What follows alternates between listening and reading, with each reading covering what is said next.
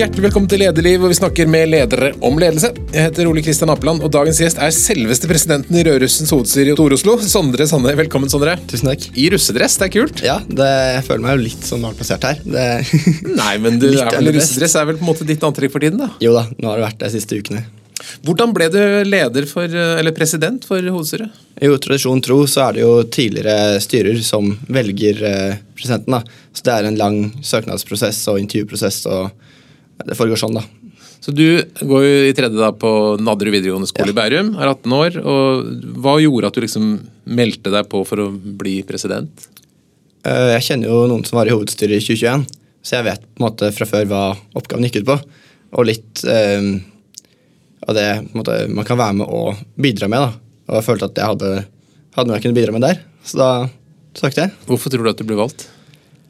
Jeg tror det har noe med Det er vanskelig, det har jeg ikke tenkt på faktisk før, men eh, kanskje fordi de var enig i det jeg Altså, de trodde at jeg kunne bidra, da.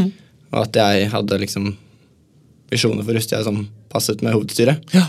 Er, det, er, det, er, det er ikke mange som, eller ingen som vet egentlig hvor mange du er eh, sjef for, men si at det er eh, kanskje et sted mellom 6 og 10 000 russ. Ja, da. sånt. Hva, hva kjennetegner din gjengen? Hvordan er russen 2023? Det er en veldig fin gjeng. Det er jo uh, veldig mangfoldig. Det er mange folk, så du har jo alt mulig. Eh, og kanskje det man eh, Eller det man ofte hører, da, er jo kanskje de, gangene, de få gangene det går eh, noe negativt. Og det er litt sånn at når alle går rundt med eh, en russebukse, så er man veldig synlige. Så alle ser jo på en måte at de er russ, og hvis man gjør noe dumt da, så er det jo at ok, russen har gjort noe dumt. Men eh, sånn, de aller, aller, aller fleste, eh, de er jo veldig eh, fine folk og oppfører seg fint og sånn. Og det er jo De fleste kjenner noen som er russ eller har vært russ og sånne ting også.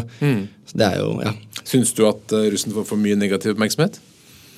Jeg syns i grunnen ikke det. Det er jo man, har jo, altså, man ser jo hvert år at det er flere historier som kommer opp. Men det ville vært litt merkelig om det ikke gjorde det egentlig, i og med at det er en såpass stor gruppe. Så det er på en måte fint at man får fram de tingene som ikke er så bra, så kan man gjøre noe med det. Så har man at det ikke bare er solskinnshistoriene. Ikke at det kommer så veldig mange av de, dessverre. Men eh, det er jo ikke helt nyhet, kanskje, hvis eh, ja, hvis Dagbladet skulle slått førstesida av russen oppførte seg perfekt i natt igjen, så er jo ikke det det er ikke så nyhetsverdig. Det er ikke sånn det funker, nei. Nei. Hva er det dere i hovedstyret gjør? Oppgavene våre starter jo med eh, russeknutene. Eh, og så er det i grunn mye mediearbeid. Eh, organisering, altså kontakt med busser. Litt sånn, ja, hva skal man kalle det? Eh, administrasjonsarbeid, på en måte. Eh, men det er først og fremst knutene som er merkbart for russ. Og så er det også veldig mye medie som eh, Så jeg ser jo litt på oppgaven vår som et slags eh, hva skal man si, interesseorganisasjon slash kommunikasjonskontor, kanskje. For når altså, Heldigvis så er det ikke sånn at media ringer bare en tilfeldig russ på vei hjem fra rulling. De ringer så ofte til oss. Og da får man i hvert fall litt mer samlet kommunikasjon, da. Du har lært mye om mediehåndtering i det siste. Det har vært veldig mye medie, og det er jo veldig gøy. Eh, Du nevnte russeknutene du har med deg, Lister. Listhaug. Kan fortelle litt om årets knuter. Ja, de er jo eh, altså, Gjennomgående i mye av det vi driver med, da, så er det jo tradisjon. Og det er, Rusty er jo i bunn og grunn bare tradisjon. Det er det som holder det gående. Så det er jo mye tradisjon i knutene også. Det er jo 100 knuter hvert år. Jeg tror vi bytta ut fem-seks knuter i år. Så det er ikke sånn veldig eh, fornying, men litt nytt hvert år. Så har man jo tatt det mer tilbake til vanlig nå, da. For det har jo vært eh, litt større utskiftning de siste par årene pga. korona og tilpasning til det. Men nå er man tilbake på virkelig Hva er liksom de vanligste knutene, de som alle må ha? Du har jo kanskje Noe av de mest kjente er jo f.eks. ispinne, som er å bade ute før 1. mai. Den er jo sånn morsom og Den eh, liker jeg. Så er det jo mange av de som er veldig altså, tradisjonsrike.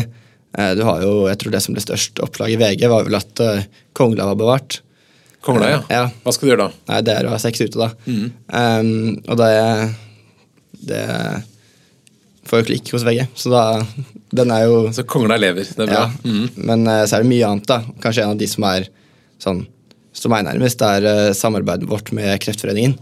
Og det er jo å gå bøssebæring for eh, Kreftforeningen. Da får man en liten sånn bøtte deg i, eh, i lua. Ja. Den er fin. Litt snillere enn en de andre. Ja, du har uh, mye forskjellig. Og så har du jo de klassiske uh, drikkeknutene også, da.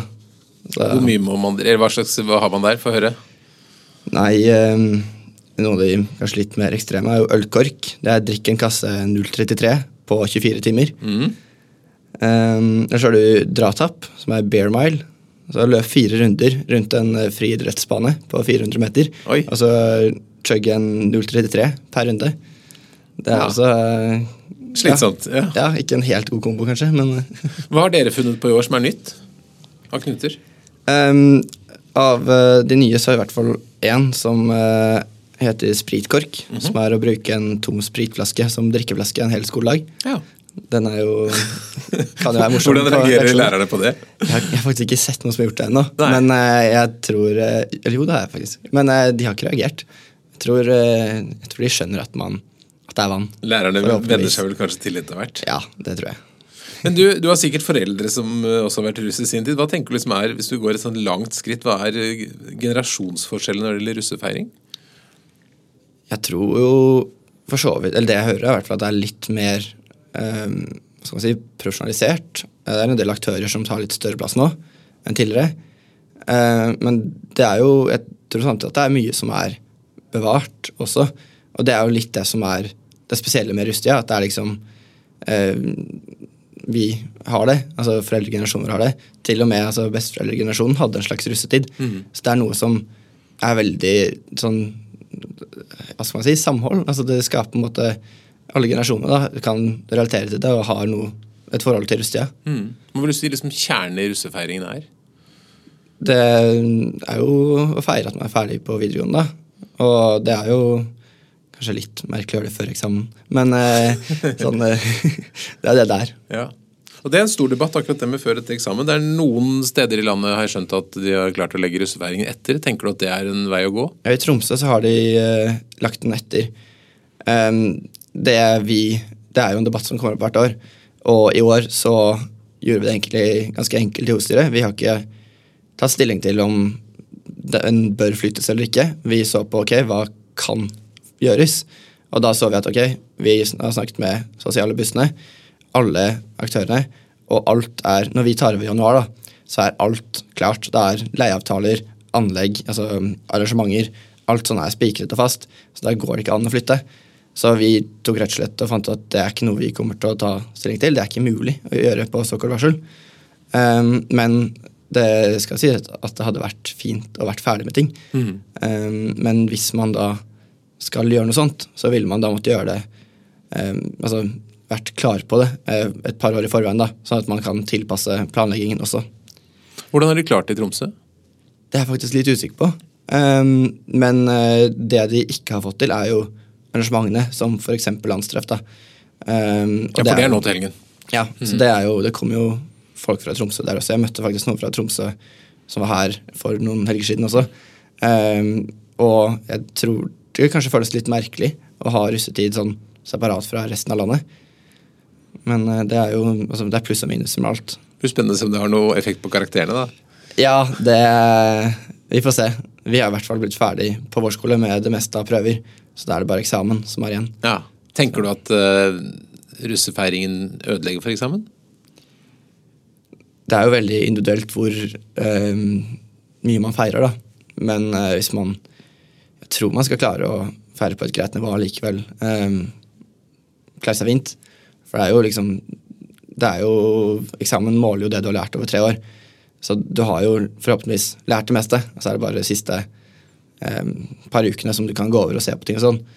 Og de aller fleste er jo på skolen og får med seg det. Prøver ikke å ta den i ølkorken akkurat den dagen du skal opp til Nei, eksamen. det, planlegging kan jo være greit uansett. Stå over et par dager før.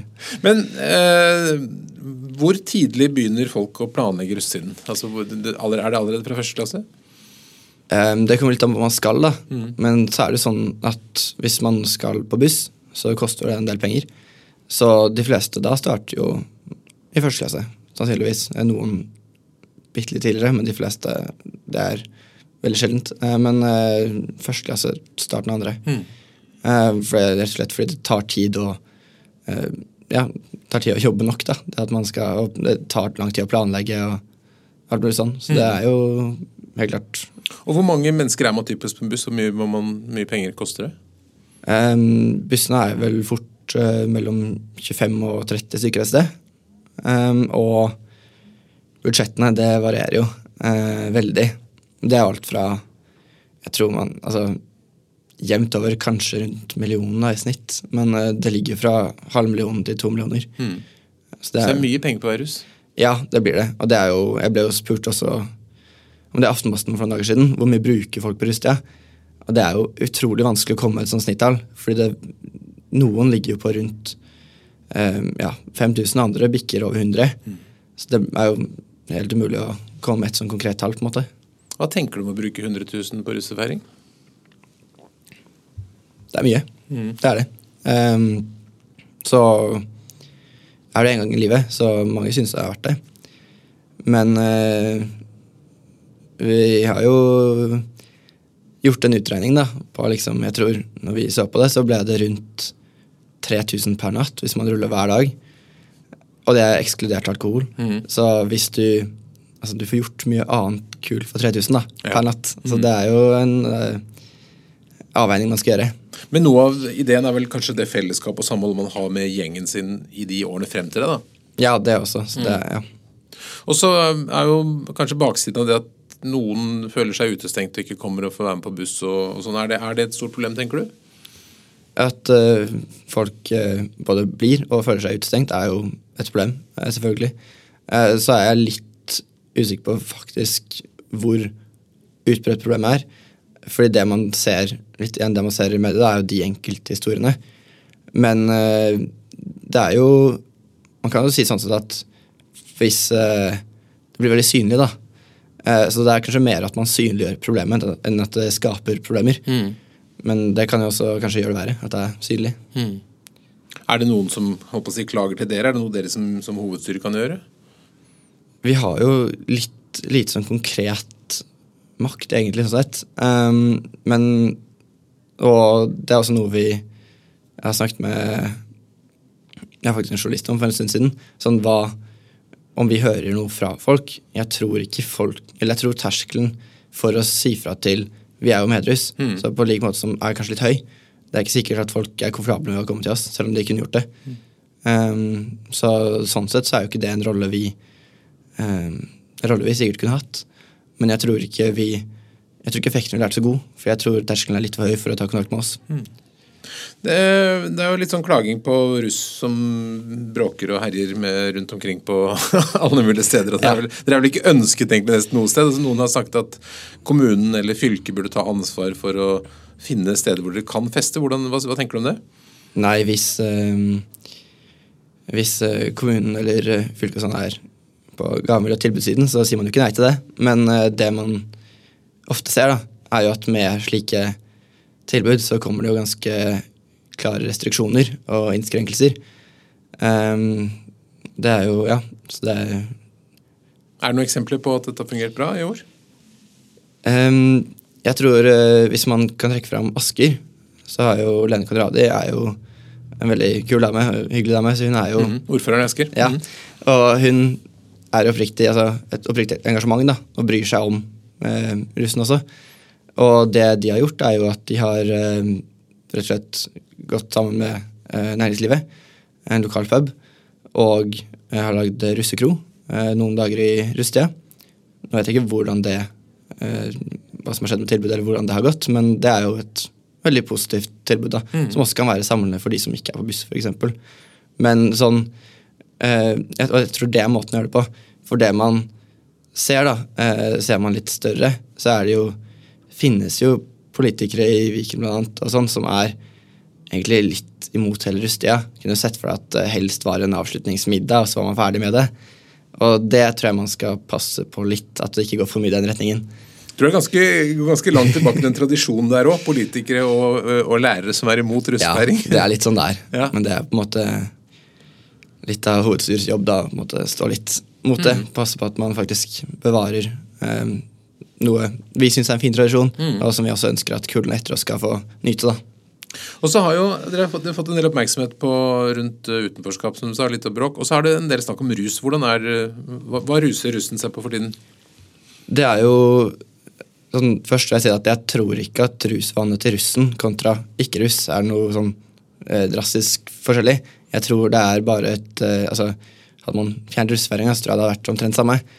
Eh, så kan man kanskje tenke seg til at hvis man fester mye mer enn vanlig, så ruser man seg kanskje også mer i festsammenheng enn vanlig. Um, så rett og slett fordi man fester mer, at man derfor ruser seg mer. Mm. Uh, man ser i hvert fall det med alkohol, så det er det naturlig å tenke. Men sånn, den debatten som har Altså, det man ser nå, da, er jo litt um, En litt merkelig debatt, egentlig. Fordi det er ikke, altså Ser man på statistikken, så er det ikke noe sånn kjempeendring. Jeg tror det tallene viser, er at det er litt økning i kokain, mm. og så er det litt nedgang i MDMA. Um, så at kanskje preferansen har skiftet bitte litt, men det er såpass små tall at det er, ikke, det er usikkert hvor mye man skal lese ut fra en sånn statistikk. da. Mm. Um, men det er jo klart at altså, Jeg tror folk er forsiktige, men man skal ikke stikke under en stol at det er eh, ikke noe problem å få tak i.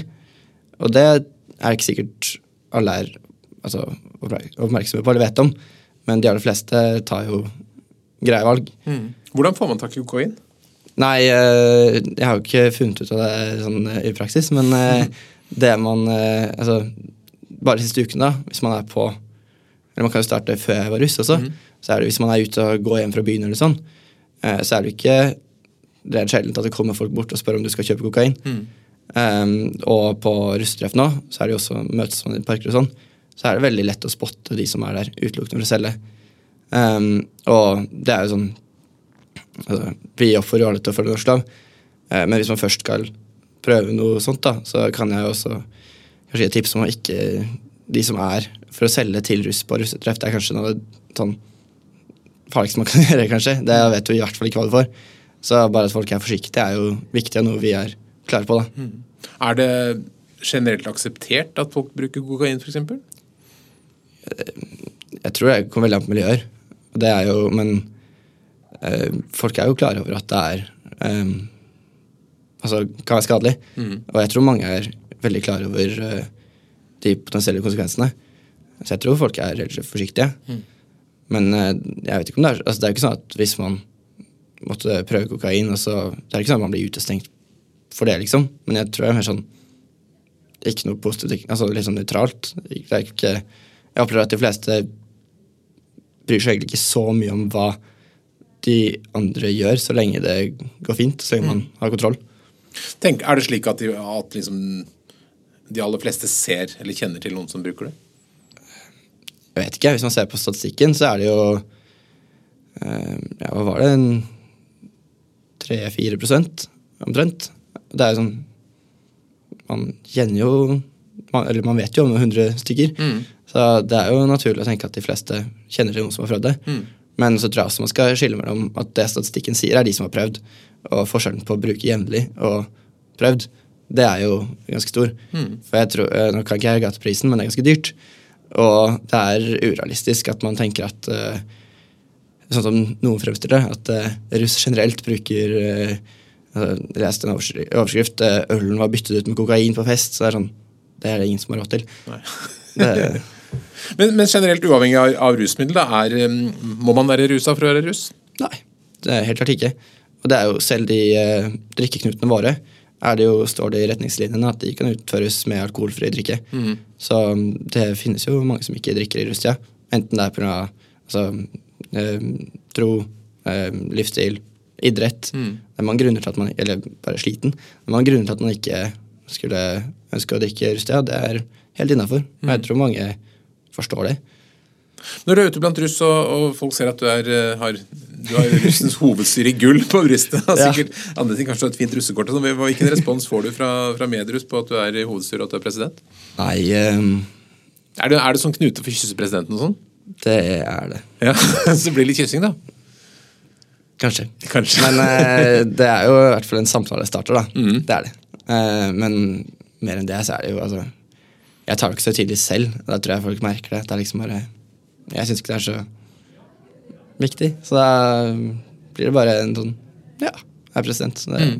går fint, liksom. Det, så er det jo det er ikke det man snakker om, eller det man, som er tema, liksom. Men det er jo en stor ære å være russepresident. Det er mange store mennesker som har startet karrieren sin som, som russepresident. Hva var det som gjorde at du hadde lyst til å melde deg til dette? I bunn så syns jeg jo at uh, altså, russ er en veldig fin tradisjon. At det er en slags uh, ja, en fin tradisjon som jeg ønsker at man skal bevare. da. Mm.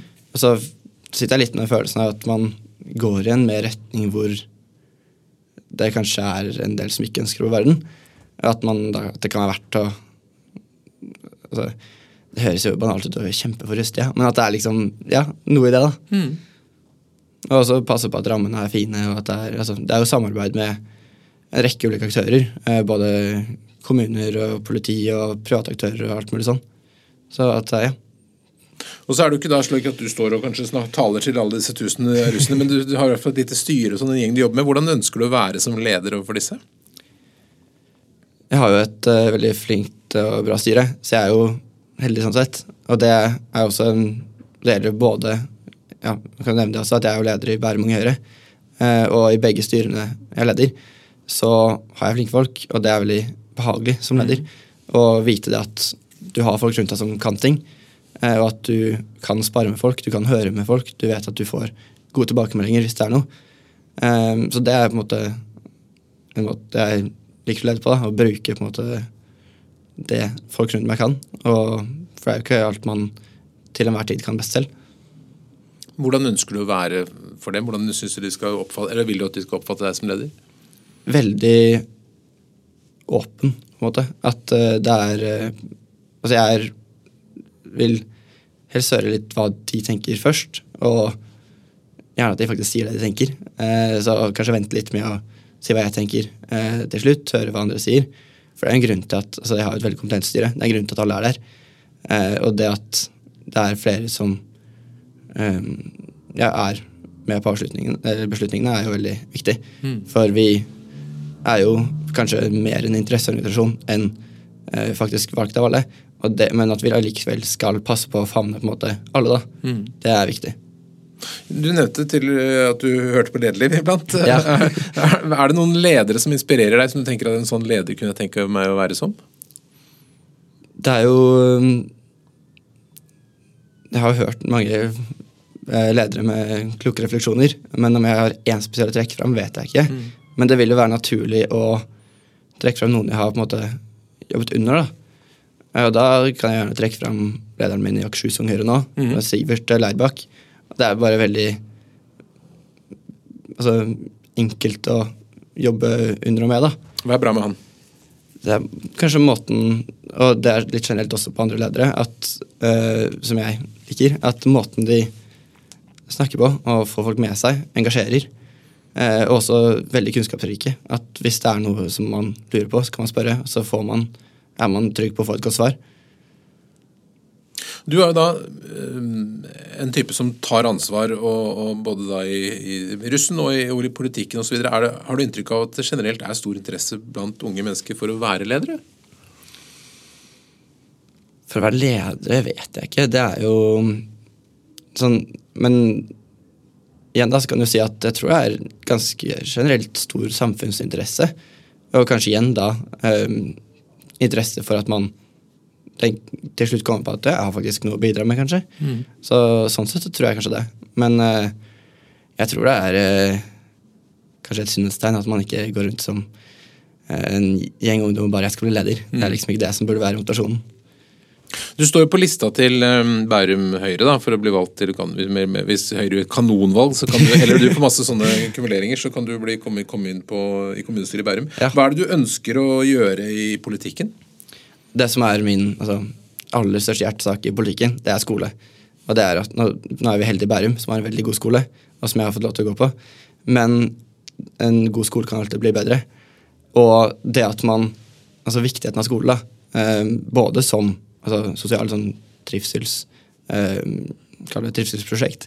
Men også det at altså, en sosial utjevning, at du har eh, muligheter for alle. da. At det er at man Og ikke minst at norsk næringsliv får muligheten til altså alle ressursene som man faktisk får, da, i at man har eh, en veldig god grunnskole, og også etter hvert eh, gratis universitet og sånn, så er det kanskje noe av det viktigste for meg. da, At man har eh, solid grunnlag der. Men nå er jo du i en fase hvor du begynner å bli ferdig, da, i hvert fall med, grunn, med, med grunnskole Ja. og videregående. Hva tenker du er liksom de viktigste tingene ellers for, for unge voksne? I, i, som, hvis du skulle eh, klinke til å bli ordfører i Bærum, da, hva, hva ville du gjort? Nei, den, den jobben har Lisbeth eh, hatt nå, og den er hun veldig flink til. Ja, hun er god.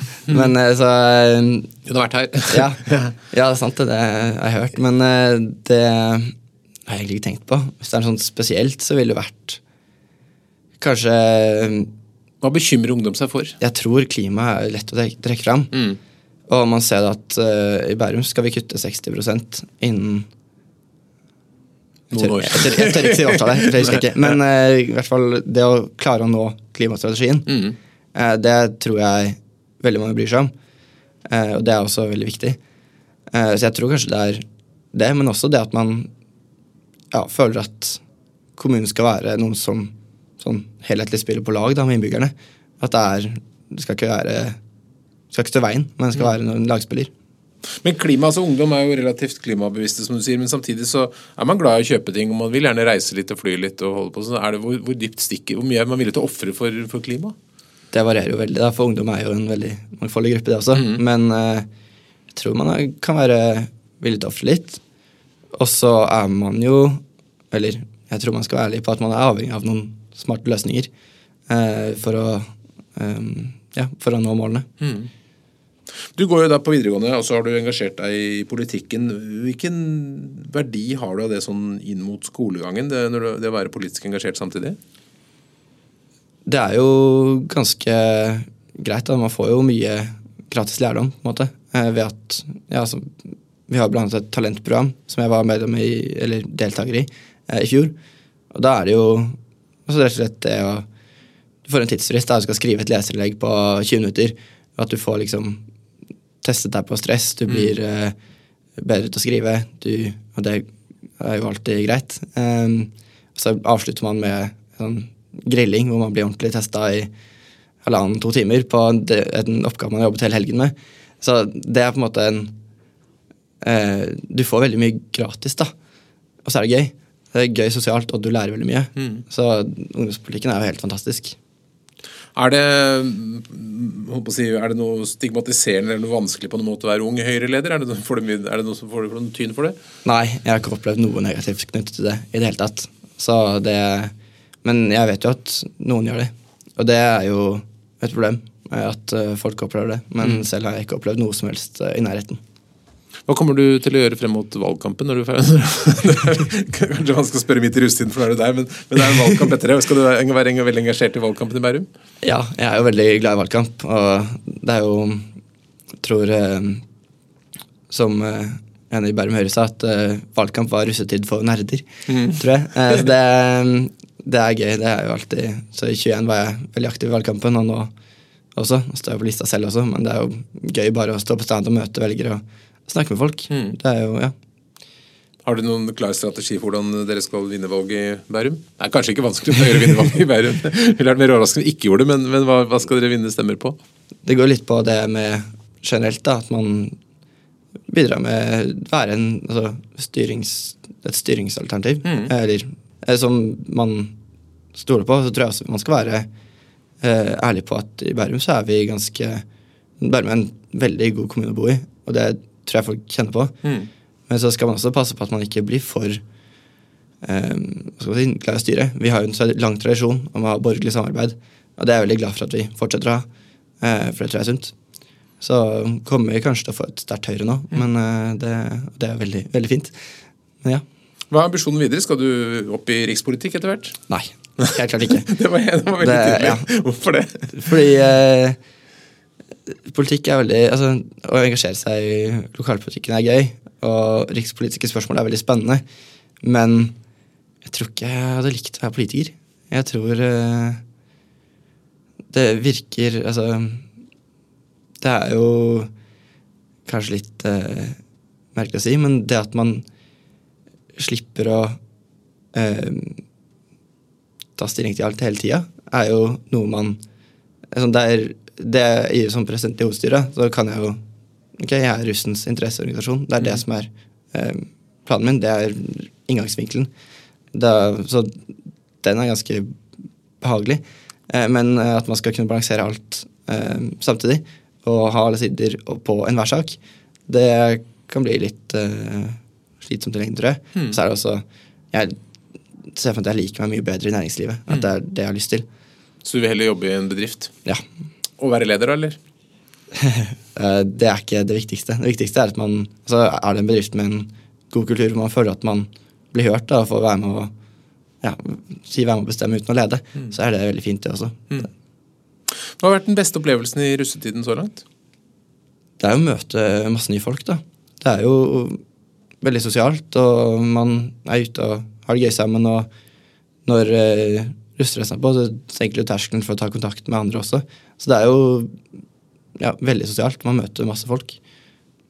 Så det er et, du- føler et fellesskap selv om du ikke kjenner folk, bare du har med dressen? Ja, og så er- møtes man jo ofte med venner, og så blir introdusert i venners venner og sånne ting. Så det er jo veldig, veldig sosialt sånn sett, da. Mm. Hva syns du har vært vanskelig med denne jobben? Eller har det vært noe vanskelig? Bare vært en dans på roser? Nei, eh, det er jo mye mediekontakt, og jeg syns det er gøy, men uh, man sitter jo igjen etter et intervju. Uh, så en gang så fikk jeg kommentar på at uh, ja, du er ungdomspolitiker, du. Og han syntes jeg svarte litt sånn kjedelig og diplomatisk, sa han. Men det er jo greit nok, da ble det ikke noe spennende overskrift. Men du merker når du gir bort overskriften også. Så jeg tror i Aftenposten så sa jeg vel at uh, på en kommentar om at jeg ikke så sliten ut, så kommenterte jeg at uh, nei, uh, alkohol, lite søvn og mye journalister er ikke en god kombo. Og da kjente jeg med en gang at nå har jeg, nå har jeg det her kommer til å stå. Ja. Det, det vet man. Men de fleste journalister er jo veldig ålreite og hyggelige, så det går jo an å Så hva er det viktigste du har lært da om det å omgås journalister? Nei, som sagt så er de fleste hyggelige, men de er jo der for en grunn. De skal ha en god historie. Og gir man dem en god historie, så blir det trykk. Mm. Da, det er jo en fin balanse. Men uh, jeg tror uh, skal sies at uh, i motsetning til um, kanskje mange andre organisasjoner, også ungdomsorganisasjoner, så er jo ikke eh, har jo ikke vi noe sånn direkte behov for å komme på trykk. Vi er mer der for å svare på spørsmål og, på, og gi kommentarer. da. Så jeg har jo den luksusen at jeg trenger ikke være så Jeg trenger ikke si noe som jeg vet kommer på trykk. Jeg kan svare mer nøkternt, Mm. og det går fint. Eh, og det er jo veldig greit å vite at man kan ta det litt rolig, og det går fortsatt fint. Og så er det jo mer sånn Hvis man unngår å havne sånn veldig på radaren til alle politikerne, så glemmer de oss kanskje. Så, så det er litt sånn også. Men uh, alt i alt så er det jo veldig, veldig greit, Mm. egentlig. Hvordan, eh, hvor, hvor lenge kommer russefeiringen til å vare i år? Eh, til 17. mai. Så den varer fra 19. april, Mm. så nesten en måned, da. Så etter 17. mai får vi ikke se noen røde bokser rundt omkring?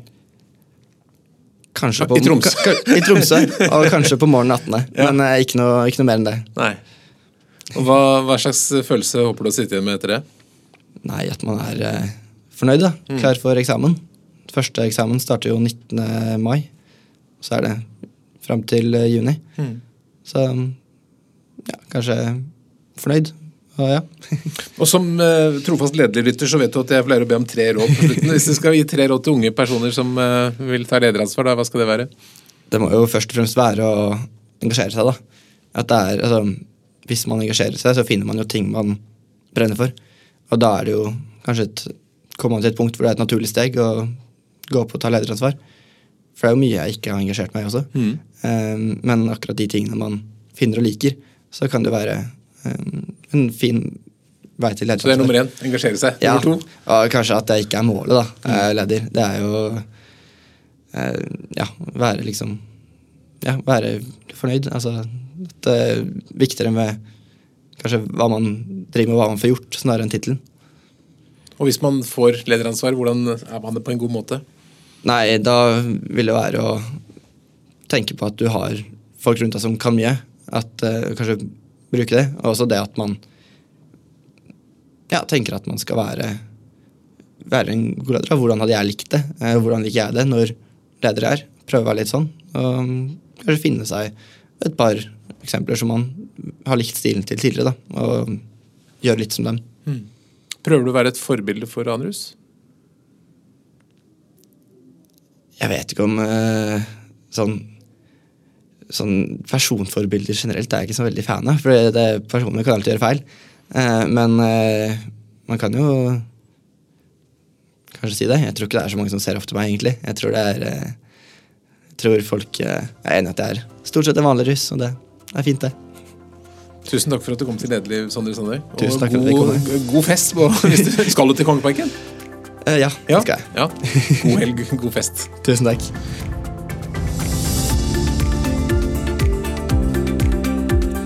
Takk for at du lytter på Lederliv, som er en podkast fra Apeland. Redaksjonen består av Ingrid Hogneland, Johanna Eidsvoll, Lars Jarle Melum og meg som heter Ole Kristian Apeland. Og vi er veldig takknemlige for ros, ris, tips som leder eller hva du måtte ønske, til e-post ole at apeland.no.